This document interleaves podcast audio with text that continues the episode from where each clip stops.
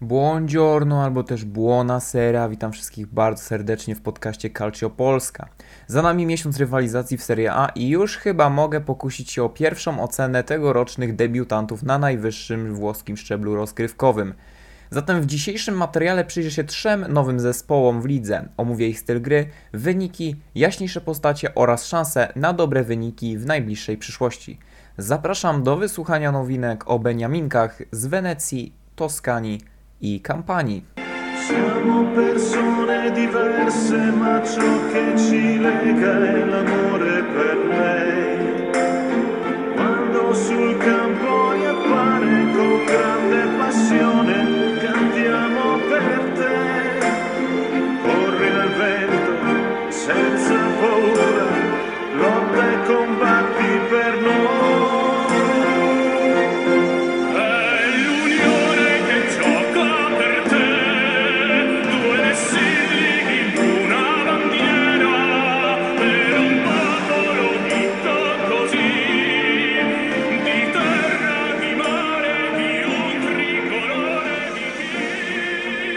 Zespół Wenecji wyglądał pięknie przy wejściu do Serie A. Przepiękny stadion na wodzie, super stylowe koszulki i to tyle.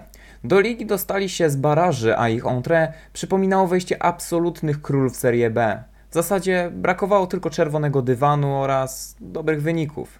Na wstępie chciałbym też zwrócić uwagę na to, że mimo iż ten klub dwukrotnie upadał w 2005 i 2009 roku, zdołał powrócić do najwyższej klasy rozgrywkowej we Włoszech za sprawą pokonania Citadelli. Po przeanalizowaniu historii klubu fani Calcio mogą być zaskoczeni widokiem Wenecji w Serie A. Jest to klub o bardzo niewielkiej ilości sukcesów. Tak w sumie mogą pochwalić się tylko zwycięstwem w Pucharze Włoch w 1941 roku. Żadnych innych trofeów, nawet biorąc pod uwagę wszystkie ery tego klubu. Nic dziwnego, że do Serie A weszli jako oczywisty kandydat do spadku. Zeszły sezon pokazał nam, że rywalizacja na Półwyspie Apenińskim była bardzo zacięta, a na powierzchni utrzymały się zespoły albo ze sporym bagażem jakości, albo z mocnymi nazwiskami, albo i z tym i z tym. Beniaminki w Serie A na ogół mają ciężkie życie. Od dawna nie było takiej sytuacji, że w premierowym sezonie utrzymały się przynajmniej dwa z trzech zespołów. Już rok temu mogło się nawet wydawać, że, miejsc, że z miejsca trzy zespoły wylecą, ale Specji udało się utrzymać. Brak wiary w stosunku do Beniaminka był zrozumiały i nikt za bardzo nie oczekiwał cudów.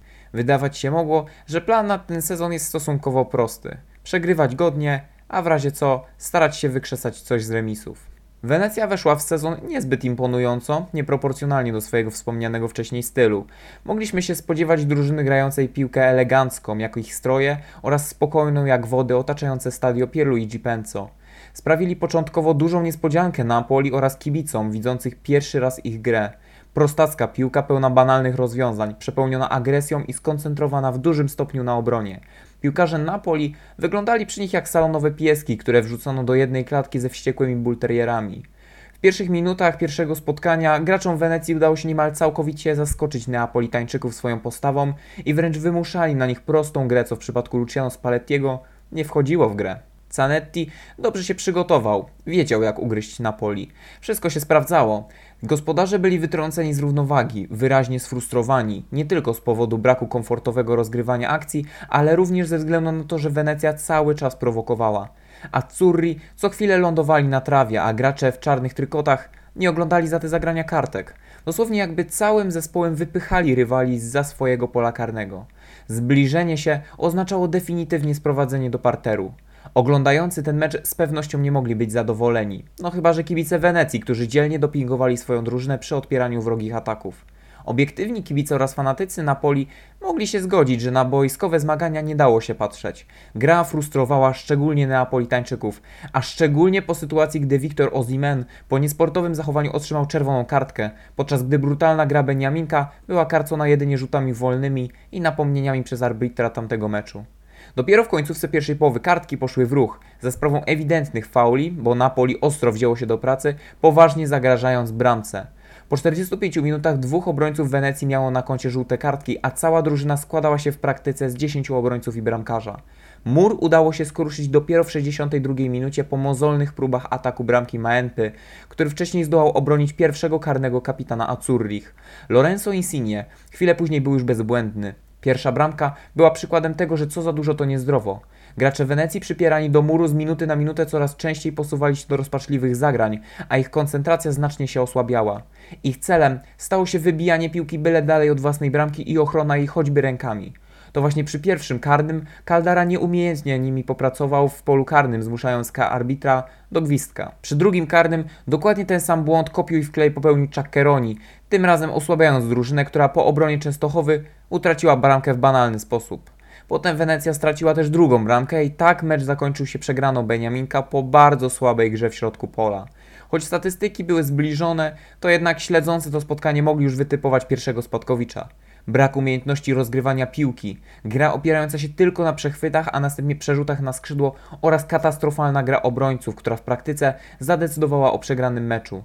Wenecja nie miała nic, co mogłoby przekonać kibiców do igry. Nic. Przy rywalu, przy rywalu wyglądali jak Coco Jumbo Warszawa przy Bayernie Monachium. Determinacja, agresja i rozpaczliwa obrona to nie wszystko. Zanetti musiał przeszkolić swoich piłkarzy w ataku, który miał się bardzo słabo. Mam wrażenie, że jakby wystawiło się tam obrońców, to by na to samo wyszło. Mizerne strzały, rozpaczliwe konstruowanie akcji, prosta gra. Nie potrafię znaleźć niczego, co mogłoby bronić graczy z Wenecji. Ich umiejętności stanowiły kwintesencję antyfutbolu i o ile graczy specji mogliśmy przyrównać grą w zeszłym sezonie do geniuszy, tak zawodników Zanettiego możemy przyrównać maksymalnie do troglodytów. Jeśli chcieli zdobyć sympatię fanów, koniecznie musieli zmienić swój styl. Los dał im na to niepowtarzalną szansę w kolejnym spotkaniu. W Serie A była drużyna, która mogła być inspiracją dla stylu Wenecji. Mowa oczywiście o Udineze, wręcz obrzydzające futbol, stanowiące przykład sposobu gry wuja Brzęka, czyli jak zarobić, a się nie narobić.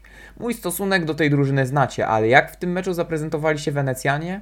Cóż, śmiało można było stwierdzić, że trafił swój na swego, a wynik mógł się skończyć co najmniej jedną bramką na koncie którejś z drużyn. Matko, cóż to za nieporozumienie było.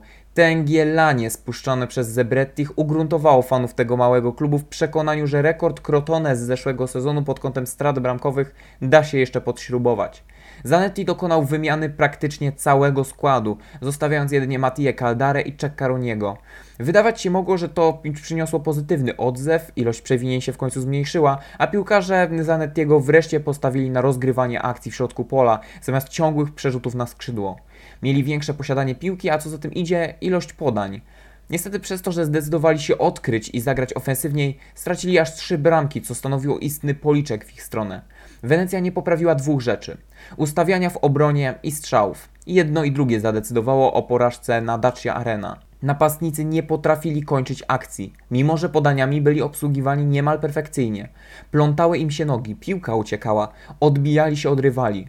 Obrońcy wciąż nie potrafili odbudowywać formacji po utracie piłki w ataku. Towarzyszył im chaos i zagubienie, gdy Udinese ruszało z kontrą. Nie trzeba nikomu mówić, że kontry tego zespołu, które są ich główną bronią, są zabójcze nawet dla zespołów z czołówki, a dla stoperów Wenecji było to zadanie z gatunku jak w pojedynkę zatrzymać rozpędzony pociąg. Trzy bramki w plecy i bilans 0-5 pokazywały, że Wenecja bardzo, bardzo, bardzo powoli uczy się na błędach. Niemniej wyglądała o wiele lepiej od tej wersji, którą oglądaliśmy w obrzydliwym meczu z Napoli. Po dwóch wymagających starciach przyszło im stoczyć walkę na dnie ze swoimi pobratymcami. Mecz z Empoli miał być meczem kompletnym. Chciałoby się wręcz rzec do trzech razy sztuka. Zanetti po prostu musiał przygotować swoich zawodników perfekcyjnie do tego meczu. Poznał słabości swojej drużyny, a biorąc pod uwagę przerwę reprezentacyjną oraz znajomość rywali z niższej ligi, miał wszystko, by przygotować się świetnie do tego starcia. Czas na analizę był bardzo potrzebny, szczególnie gdy Wenecja już po dwóch meczach szukała przełamania złej pasy. Ustawienie 4-3-3 miało przynieść stabilizację w grze drużyny gości. Ponowna obecność Caldare i Czekaroniego miała przynieść wreszcie czyste konto i spokój w defensywie. Zanetti dał drugą szansę Johanssonowi i Henriemu, którzy nie wykazywali się w poprzednim tragicznym meczu z Udinese. Środek pomocy także praktycznie się nie zmienił. Wenecja w mecz weszła z niespotykanym dla siebie wyważeniem. Prowadzili otwartą grę z rywalami, nie pobadali w skrajności. Już w pierwszych minutach dało się jednak dostrzec prostotę taktyki gości. Laga na skrzydło do Johanssona i dośrodkowanie w pole karne lub strzał skrzydłowego. Nawiasem mówiąc, Norweg stylem poruszania się mocno przypominał swojego rodaka Erlinga Halanda. Wenecja skutecznie wymuszała pressingiem błędy w pierwszych 10 minutach, kiedy wręcz zamknęli rywali na własnej połowie. W 13 minucie napór przyniósł pozytywny skutek, bo Henri wykończył akcję po pięknym dośrodkowaniu Aramu. Włoch nadał piłce idealną rotację, która minęła wszystkich obrońców, siadając na nodze Francuzowi. Niestety po zdobyciu bramki Wenecja całkowicie utraciła kontrolę nad spotkaniem, dając się tłamsić przeciwnikom. Empoli zmusiło obrońców Zanettiego do gry z poświęceniem, na pełnych obrotach. Co ciekawe, mimo tego, że gospodarze zdominowali gości pod kątem posiadania piłki na ich połowie, nie przełożyło się to na liczne strzały. Obie drużyny oddały ich po 7. Wenecja opierała się na kontratakach, co zresztą nie dziwne. Wielką rolę odgrywał Johansson, który biegał jak szalony przy linii bocznej. Po jednym ze swoich genialnych rajdów był bliski podwyższenia prowadzenia, ale były bramkarz Cagliari Vicario popisywał się czujnością, nie dając się zaskoczyć. Kiedy sędzia odgwizdał pier koniec pierwszej połowy, Piłkarze zeszli z poczuciem lekkiego niedosytu. Mecz był ostry, wyrównany i nic nie było jeszcze przesądzone. Każda z ekip wiedziała, że musi zwiększyć wysiłki, by osiągnąć korzyść. Abyście mieli świadomość, jak bardzo spotkanie było wymagające dla kości piłkarzy, warto podać choćby statystyki żółtych kartek. Trzy dla Wenecji i dwie dla Empoli. Łącznie zespoły popełniły w pierwszej połowie aż 16 fauli, z czego 10 było niechlubną zasługą gości. W drugiej połowie obraz gry się nie zmieniał. Empoli napierało, Wenecja się broniła, atakując z kontr. Ilość ataków piłkarzy z miasta Świętego Marka znacznie się zmniejszyła, ale to i tak zbytnio nie miało znaczenia, bo Empoli nie zachwycało skutecznością w ataku. Trudno nawet mówić o wyprowadzaniu ataków, bo gracze Zanettiego przez większość czasu po prostu wybijali piłkę na oślep, w myśl idei, byle dalej od własnej bramki. Paradoksalnie, z tej tempej gry dało się wyciągnąć coś pozytywnego. W 67 minucie na boisku pojawił się Okereke, piłkarz również należący do grona pokrzywdzonych z poprzedniego meczu z Udinese. Nigeryjczyk zanotował genialne wejście Smoka, bo zaledwie minutę po swoim wejściu na boisko zdobył bramkę na 2-0. Atakujący popisał się kapitalnym dryblingiem, praktycznie od własnego pola karnego do pola karnego Empoli, mijając w sumie trzech obrońców. Dzięki swojej zwinności oraz świetnej kontroli piłki w pojedynkę skończył rywali skromnym strzałem w dolny róg bramki z, z ciężkiej pozycji. Majstersztyk w wykonaniu skrzydłowego Wenecji. Tą akcję śmiało można było zaliczyć do akcji kolejki. Jeśli jej nie widzieliście, możecie obejrzeć ją na highlightsach z tamtego spotkania. Bramka była, można powiedzieć, spektakularna. Była 68 minuta meczu, ale w tamtym momencie nikt z gospodarzy chyba nie mógł liczyć na poprawę wyniku. Antyfutbol Zanettiego górował nad skrajnie ofensywną grą Empoli. Gracze Andrea Collego kontynuowali swoje syzyfowe prace z pięknym wynikiem statystycznym, ale w praktyce tragicznym. Tymczasem Wenecja grała na wyraźnym luzie, jakby wiedząc, że niezależnie od wszystkiego wysiłki przeciwników pójdą na marne. Nie mylili się w tym aż do 89 minuty, kiedy to Maenpa, który zastąpił po przerwie Letzeriego, dał się zmylić przez atakującego Empoli. Napastnik pierwszy dotknął piłki, a Finn staranował mu nogi przy interwencji w polu karnym. Oczywiście otrzymał żółtą kartkę, a Empoli szansę powrotu do gry. Calcio di rigore udało się wykorzystać, a piłkarzom Wenecji strach zajrzał w oczy. Znów wszyscy siedzieli na szpilkach, a emocje trwały do ostatniej minuty doliczonego czasu gry. W tym czasie co chwilę na murawie lądowali piłkarze i raz jednej, a raz drugiej drużyny w walce o jak najlepszy wynik. Wenecja ostatecznie wygrała pierwszy raz w tym sezonie w Serie A, lądując na 14 miejscu w tabeli, przed choćby Juventusem. Zwycięstwo na pierwszy rzut oka niezasłużone pod kątem stylu gry, ale czego można było się spodziewać po drużynie Beniaminka. Wbrew pozorom i tak naprawili mocno swój styl, starając się mimo wszystko prowadzić otwartą grę, nie popadając w taką skrajność jak Udinese. Na koniec omówienia dyspozycji Wenecji przyjrzymy się piłkarzom, którzy zrobili najlepsze wrażenie. Bramkarze jeden i drugi spisują się przyzwoicie, nie mam do nich żadnych zastrzeżeń. Caldara dobrze rokuje, zagrał trzy mecze, nie kończąc ich przez uraz. Zaliczył dobre interwencje i daje pozytywny sygnał, że zależy mu na odbudowaniu reputacji. Pietro Ceccheroni zapewnia spokój defensywie, jest tam wyraźnym liderem, z przyjemnością ogląda się jego grę. Z pomocy nie da się zbytnio nikogo wyróżnić i w sumie bardzo dobrze. Pomocnicy pracują wspólnie, jak kolektyw, dobrze ze sobą współpracują, rozumieją się zarówno w ataku, jak i obronie. No i przyszedł czas na atak, który dałem radę wreszcie ocenić po meczu z Empoli. Bardzo, bardzo, bardzo, bardzo dobry występ Denisa Johansena, który moim zdaniem może stać się jednym z bardziej pożądanych piłkarzy po tym sezonie. Silny skrzydłowy, o piekielnie dobrym przyspieszeniu, z potężną siłą strzału. Średnio u niego z techniką, ale jestem pewien, że z odpowiednim szkoleniowcem lub mentorem dałby radę popracować nad tym zagadnieniem. Piłkarz numer due, który mi zaimponował to Thomas Henry, dobrze grający na linii spalonego, będący typową dziewiątką. Robi dużo przestrzeni partnerom i potrafi powalczyć o piłkę w środku pola, co jest obecnie pożądaną cechą wśród atakujących. No i na samym końcu atakujący o najskromniejszym występie, czyli Dawid Okereke. W pewnym sensie przeciwieństwo Johanssena. Mały, z mizernymi strzałami, ale ze świetnym przyspieszeniem, dryblingiem i z niezwykłą kontrolą piłki. Obiecujący piłkarz, który ze względu na wiek ma szansę jeszcze się rozwinąć i po sezonie być alternatywą dla nieco słabszych klubów Serie A. Johansen myślę, że wzbudzi zainteresowanie topu ligi. Empoli, ma come azzurro tuo colore, Empoli, ma come amore che sento per te, Empoli, è la bandiera che porto nel cuore, è la mia squadra che sento lottare, è questa squadra che mi fa cantare, Empoli. Un urlo che esplode nel cielo, vinci per noi, Wspomniane wcześniej Empoli do Serie A weszło w miarę spokojnie z pierwszego miejsca z przewagą 3 punktów nad drugą drużyną. Mieli też w swoich szeregach drugiego najlepszego strzelca Serie B, Mancuso, oraz doświadczonego szkoleniowca Aurelio Andrea Zollego. O kadrze, która wyglądała dość interesująco jak na Beniaminka, opowiem później. Oczekiwania względem Empoli były naturalnie największe, biorąc pod uwagę z którego miejsca wchodzili do Serie A. Historia znała jednak przypadki, gdzie pierwsza pozycja w Serie B nie miała kompletnie przełożenia na wynik ligowy. Od choćby takie Benevento rok temu, czy Brescia dwa lata temu. Zespół z Toskanii musiał zacząć wysokiego C, bo ich pierwszym przeciwnikiem było potężne na papierze Lazio. Plan na to spotkanie wydawał się prosty. Nie dać się upokorzyć. Początek był świetny. Empoli w prosty sposób zaskoczyło Lazio i zdobyło pierwszą bramkę w pierwszej kolejce z pierwszym trudnym przeciwnikiem. Miłe złego początki, bo o przebiegu meczu znów zadecydował serbski wirtuoz środka pola Sergiej Milikowicz-Savic, który niemalże w pojedynkę wygrał ten mecz. Jego udział okazał się decydujący w pierwszych dwóch bramkach dla Lazio w pierwszej połowie, a późniejszy rzut karny Immobile po katastrofalnym nieporozumieniu między bramkarzem a obrońcą doprowadził do całkowitego zabicia meczu. Cóż, przynajmniej Szymon Żurkowski mógł się pojawić na placu gry już bez żadnej presji. Podsumowując mecz Toskańczyków, taktyka była stała. Prostopadłe piłki, nic więcej. Zero kreatywności, zero polotu, zero innych możliwości.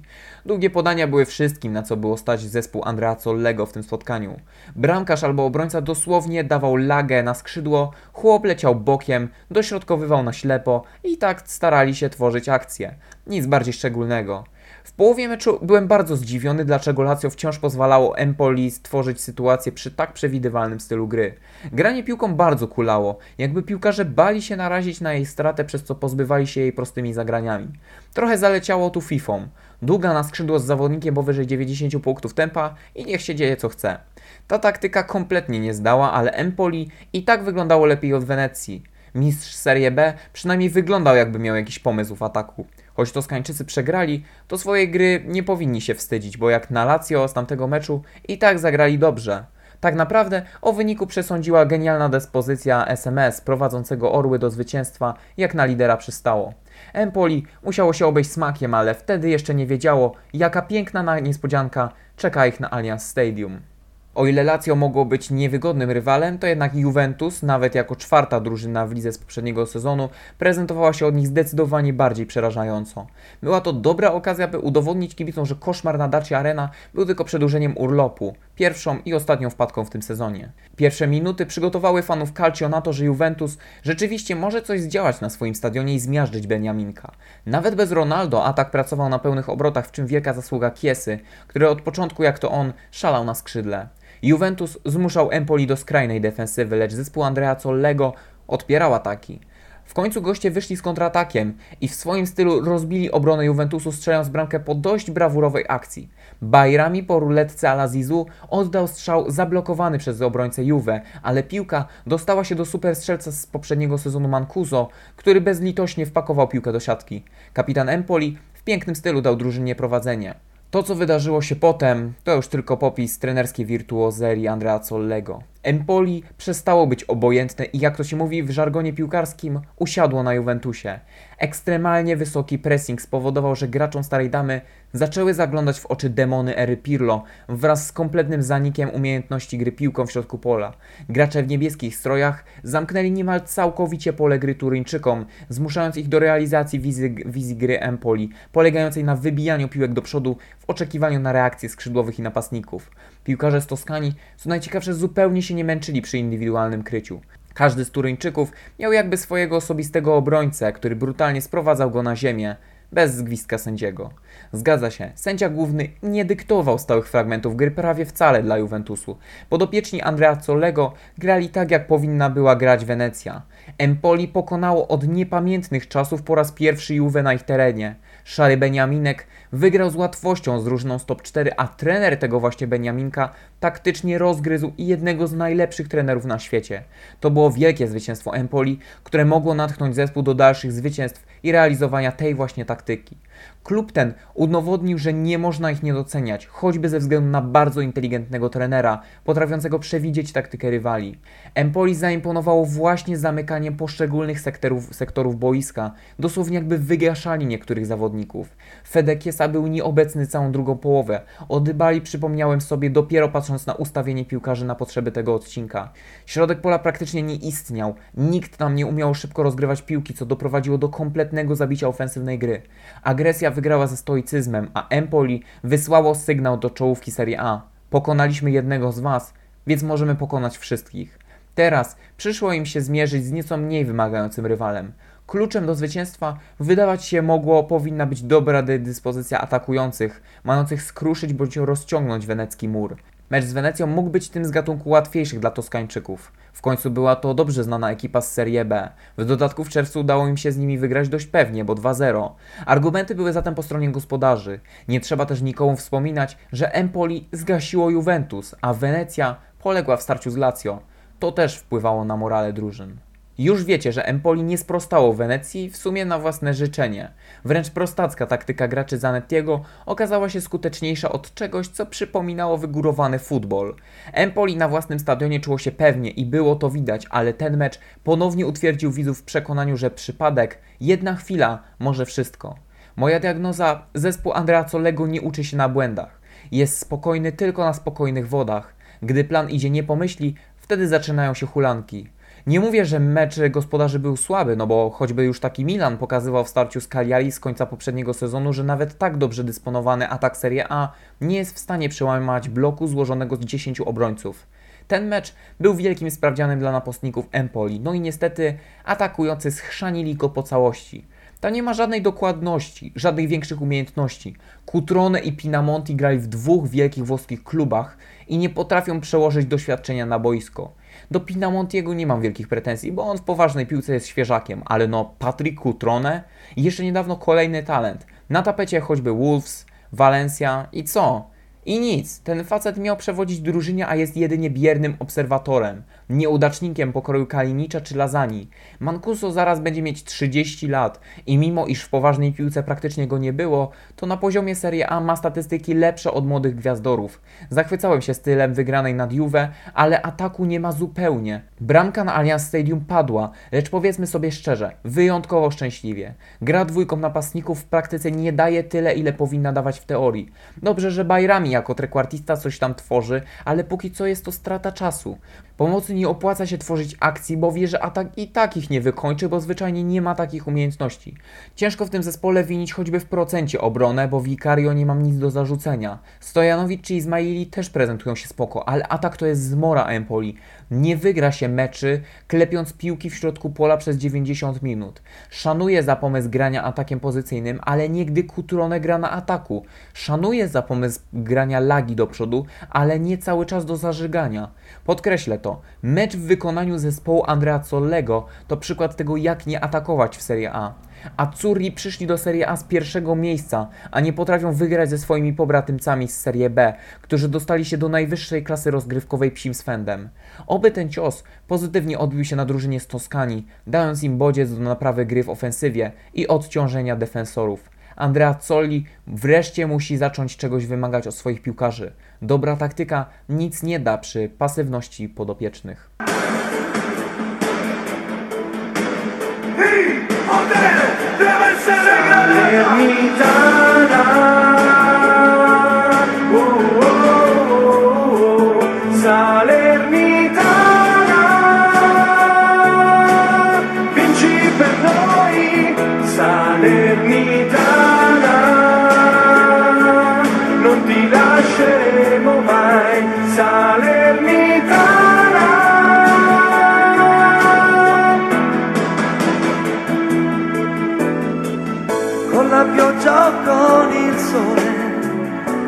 Sempre qui, quanto è bello sto colore che ci invade il cuore. Trudno było sobie wyobrazić lepsze wejście niż to, jakie zafundowała nam Salernitana. Od pierwszego meczu przykuła moją uwagę. Żądna krwi, waleczna, a przy tym potrafiąca zachować chłodną głowę w odpowiednich sytuacjach. Swoją drogą, niesłychanie romantyczna historia. Malutki klubik z malutkiego miasta Salerno, który powrócił po 23 latach do Serie A z ogromnym wsparciem lokalnej społeczności. Co równie niezwykłe, to właśnie piłkarz tego zespołu zdobył pierwszą bramkę w tym sezonie w meczu przeciwko Bolonii. Genialne spotkanie, które wprowadziło kibiców w nowy sezon gwarantujący wielkie emocje i oczekiwania.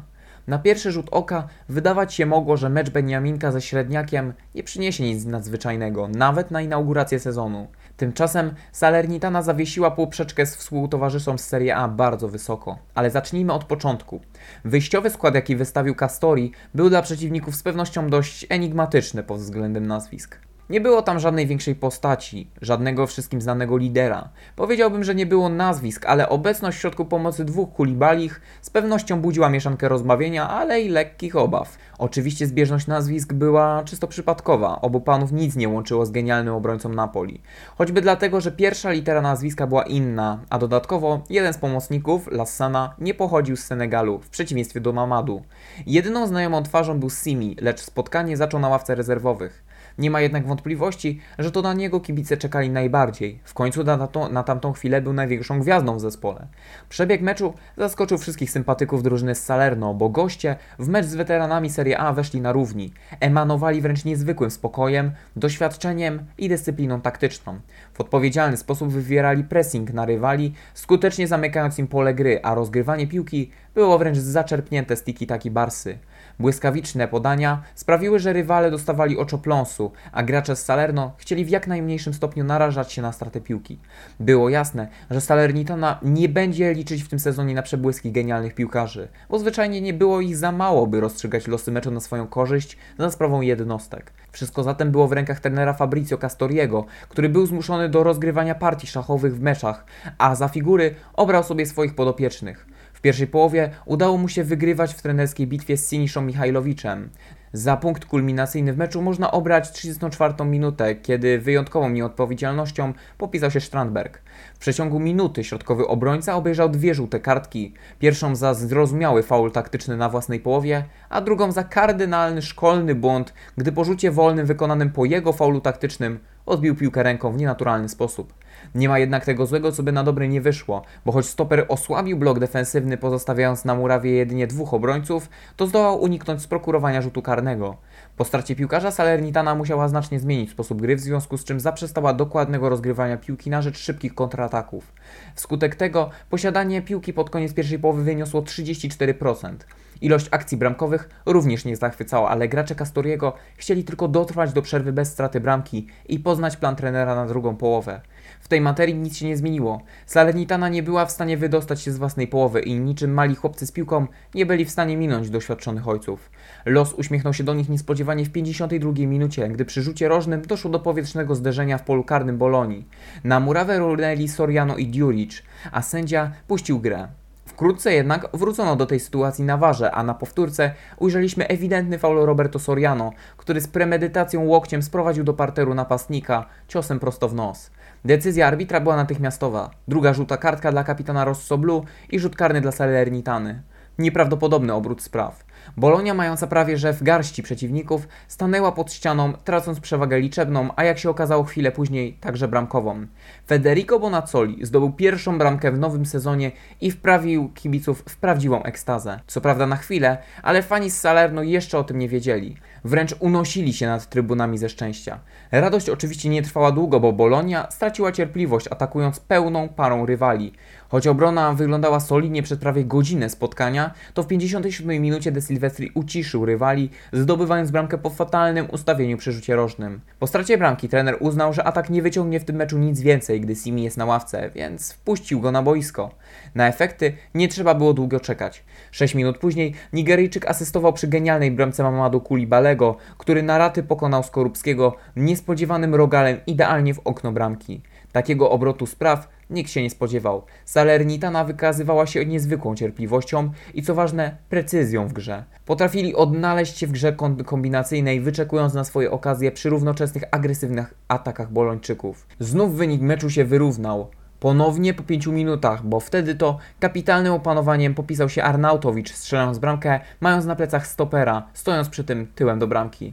Majstersztyk Austriaka nie zamknął spotkania, bo Salernitane drugi raz dobił De Silvestri, drugi raz z rzutu rożnego, niemal w identyczny sposób. W 77 minucie szanse Beniaminka spadły. Ich działania przypominały syzyfowe prace, a wraz ze zmęczeniem i, i postępującymi zmianami w wyjściowej jedenastce potencjał jakościowy znacznie osłabł. Piłkarze łatwo gubili piłki, nie wykazywali się aż tak dużym skupieniem jak wcześniej i podupadali na duchu z minuty na minutę. Bolonia rzuciła rywalom jeszcze koło ratunkowe w postaci czerwonej kartki z Kołtena, ale nie było już sił na przeprowadzenie kolejnych niebezpiecznych ataków. Simi nie był w stanie nic zrobić bez celnych dograń. Choć jego partnerzy się starali, to Nigeryjczyk nie umiał dobrze opanować futbolówki. Waleczny Beniaminek niesprawiedliwie poległ na stadio Renato Dallara, ale swojej gry nie powinien się wstydzić. W spotkaniu grał jak równy z równym i w niczym nie ustępował Bolonii. Dobrze wykorzystywał słabe punkty Rosso Blue. Po stronie rywali stało na nieszczęście Salernitany doświadczenie i szersze możliwości w rotacji. Tak czy siak, mecz z drużyną z Emilia Romagna mógł dość pozytywnie nastrajać przed piekielnie wymagającym pojedynkiem z AS Romą. Pchany dobrymi liczbami w ataku z poprzedniego meczu, trener Castori postawił na ofensywne ustawienie 3-5-1-1, wymagającą formację, gdzie współpraca między pomocnikiem ofensywnym Lassaną Kulibalim a napastnikiem Bonacolim musiała być naprawdę dobra. Zdziwiłem się, że to właśnie ten Kulibali został przesunięty do ataku. W końcu to Mamadu zachwycił w poprzednim meczu. Może treningi wskazały na coś innego. Tak czy siak, nieważne w jakim ustawieniu i w jakim składzie wyszłaby Salernitana, to i tak była na straconej pozycji ze względu na ogromny potencjał ofensywny Romy. Przy trójce stoperów miała pole do popisu. Można było wątpić w to, czy aby na pewno Castori dobrze przygotował taktykę do tego meczu. Roma wyszła w spotkanie na pełnym gazie i od początku zmuszała Beniaminka do zamurowania swojej bramki. Kibice w Salerno przyszli oglądać wojowników z Bolonii, a tymczasem ich oczom ukazało się 10 obrońców i bramkarz, którzy strzegli bramki za wszelką cenę stawiając podobną zaporę co Wenecja, choć nieco bardziej skuteczną. Gra w obronie nie wyglądała zachwycająco, ponieważ linia nie przesuwała się równo, a piłkarzy łatwo było wyciągnąć na boki boiska, co tworzyło luki dla napastników Romy. Linia obrony zamiast przesuwać się równo, przypominała falę, która swoją moc skupiała na pojedynczej jednostce z piłką, odkrywając znacznie inne części boiska. Interwencje defensorów wyglądały niepewnie, a momentami nawet żałośnie. Ale Salernitana trzymała fason. Poobijana i zmiażdżona statystycznie zeszła do szatni z poczuciem lekkiego upokorzenia, lecz także z satysfakcją, że Wielkiej Romie nie udało się przebić ich muru. 23% posiadania piłki, tylko dwa nędzne strzały i jeden rzut rożny nie napawał optymizmem na tle Giallorossi, którzy 9 razy atakowali bramkę rywali, 3 razy poważnie strasząc bramkarza. Druga połowa stanowiła już koncert w wykonaniu Romy, która wreszcie postawiła na inne rozwiązanie niż atak pozycyjny i za sprawą szybkich podań Pellegrini pokonał Beleca. Taktyka zdawała egzamin. Salernitana została całkowicie zamknięta na własnej połowie przez zabójczy pressing Romy. Ich nieprawdopodobnie szybkie rozgrywanie piłki wkręciło w 52 minucie całą obronę graczy z Salerno. Mur, który utrzymał się przez 45 minut, runął w przeciągu pierwszych 12 drugiej połowy. O ile w Bolonii Salernitana walczyła jak równy z równym, tak tu widocznie zarysowywała się różnica klas. Gracze Castoriego czasem próbowali coś zdziałać, lecz nie było to zbyt przekonujące. Szczytem było, gdy po genialnej akcji skrzydłem pomocnik wystawił piłkę Bonacolemu praktycznie na pustą bramkę, a ten strzelił obok. Był to moment, w którym fani Salernitany wiedzieli, że na własnym boisku nic nie ugrają. Gdy gra się z Romą, trzeba walczyć o każdą sytuację, a tu praktycznie najważniejsza setka została zmarnowana. Okres między 50 a 60 minutą meczu należał w pełni do bramkarza gospodarzy Belecy, który w pojedynkę trzymał swój zespół przy życiu, popisując się obłędnymi interwencjami. Był jednak bezradny przy bierności swoich partnerów z defensywy, ruszających się jak muchy w smole.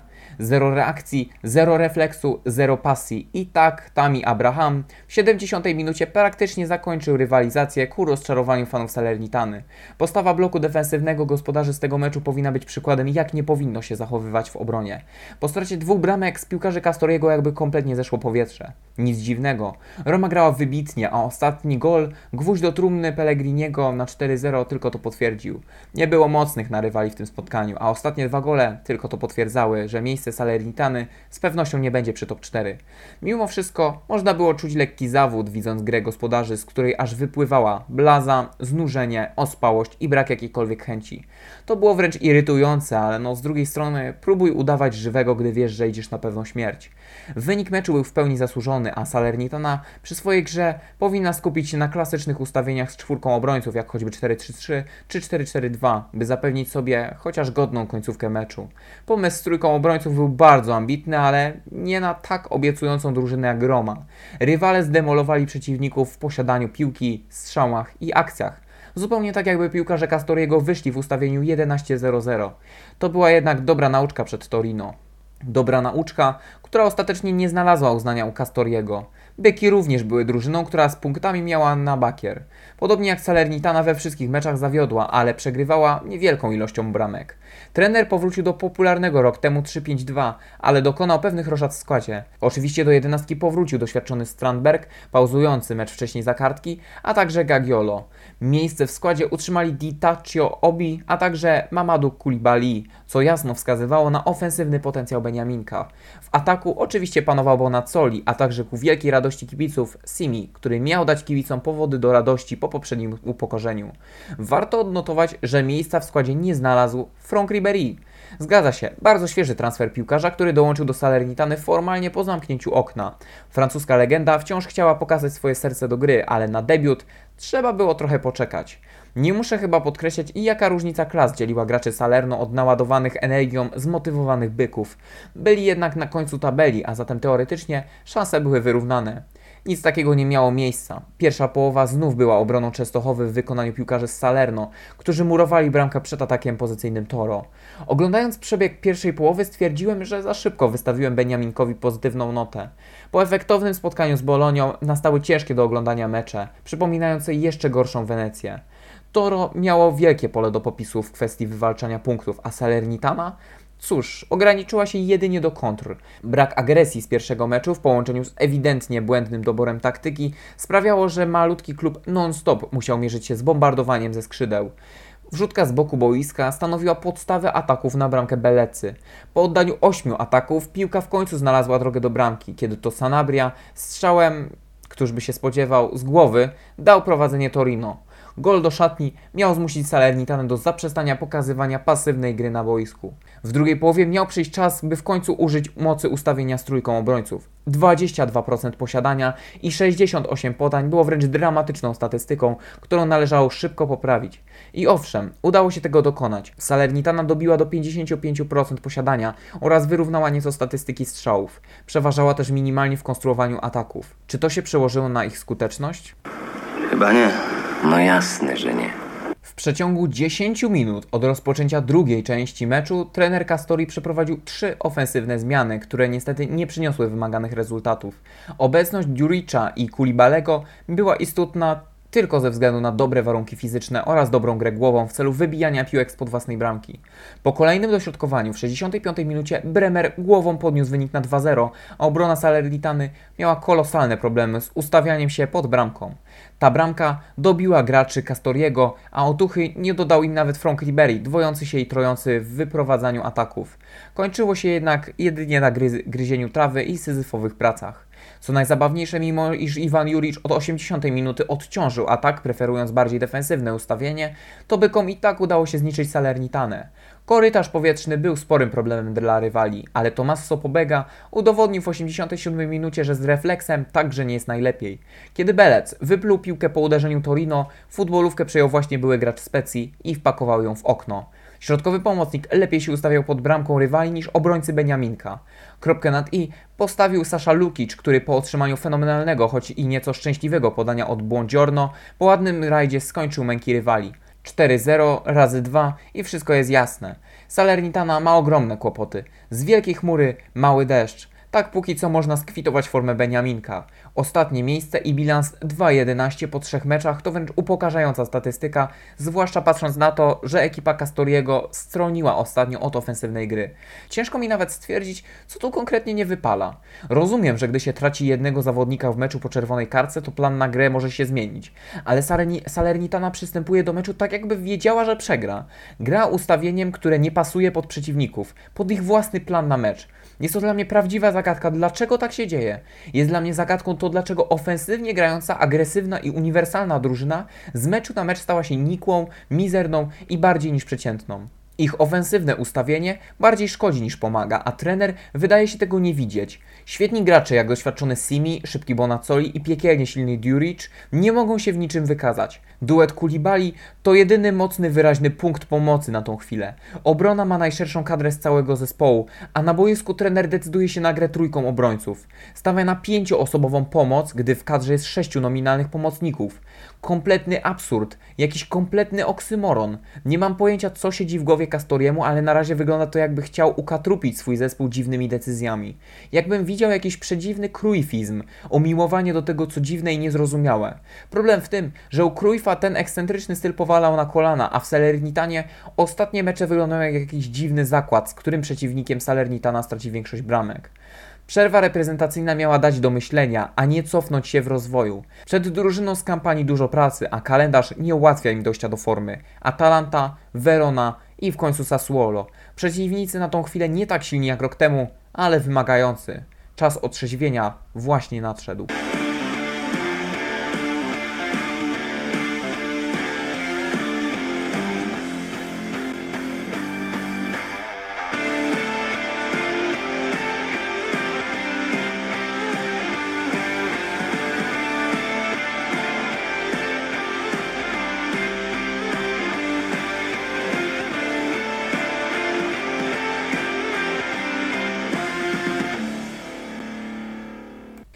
Mogliście usłyszeć, Beniaminki mają przed sobą raczej wyboistą drogę. Kilka wzlotów, kilka opadków. Ogólnie ja się dobrze zaopatruję na przyszłe wydarzenia. Mam nadzieję, że wkrótce gra, gra Salernitany się polepszy, bo rzeczywiście oni moim zdaniem mają największy potencjał z wszystkich, ale także liczę na jakiś pozytywny ruch ze strony Empoli i Wenecji. Mówię, są pewne niedociągnięcia, są pewne wady w zespole i należy je jak najszybciej zlikwidować. No bo jeżeli e, te zespoły będą podchodzić tak obojętnie do, e, do niektórych spraw, no to po prostu nie widzę innego wyjścia jak spadek. Jedni mają problemy z atakiem, drudzy mają problemy z obroną. Teoretycznie wszyscy mają problemy z obroną, no ale no mnie to rozwala, jak widzę zespół, który gra trójką obrońców i ustawia się defensywnie. Dla mnie to jest coś niepojętego. No ale dobrze, trzeba zaufać tym zespołom. Miejmy nadzieję, że skończy się dla nich wszystko jak najbardziej pozytywnie i unikną spadku. Nie wierzę w to, szczerze mówiąc, że wszystkie trzy się utrzymają, ale na tą chwilę jeszcze ciężko jest mi wywnioskować, który pierwszy spadnie. Pozostaje obserwować resztę spotkań. Dziękuję Wam bardzo za wysłuchanie tego materiału. Zachęcam do kliknięcia dzwoneczka na Spotify, by nie przegapić kolejnych materiałów z serii A. Mi pozostaje podziękować za Wasz czas, za Waszą uwagę. Zachęcam do zostawienia subskrypcji, z kliknięcia w dzwoneczek, by nie przegapić kolejnych materiałów y, z serii A. No i śledzenia przede wszystkim y, tej wspaniałej ligi, żebyście mogli się dowiedzieć, y, które zespoły ocale, ocaleją, a które no niestety spadną z powrotem do Serie B lub pierwszy raz po długim czasie. Ja się z Wami żegnam, dziękuję Wam bardzo za wysłuchanie. Arrivederci.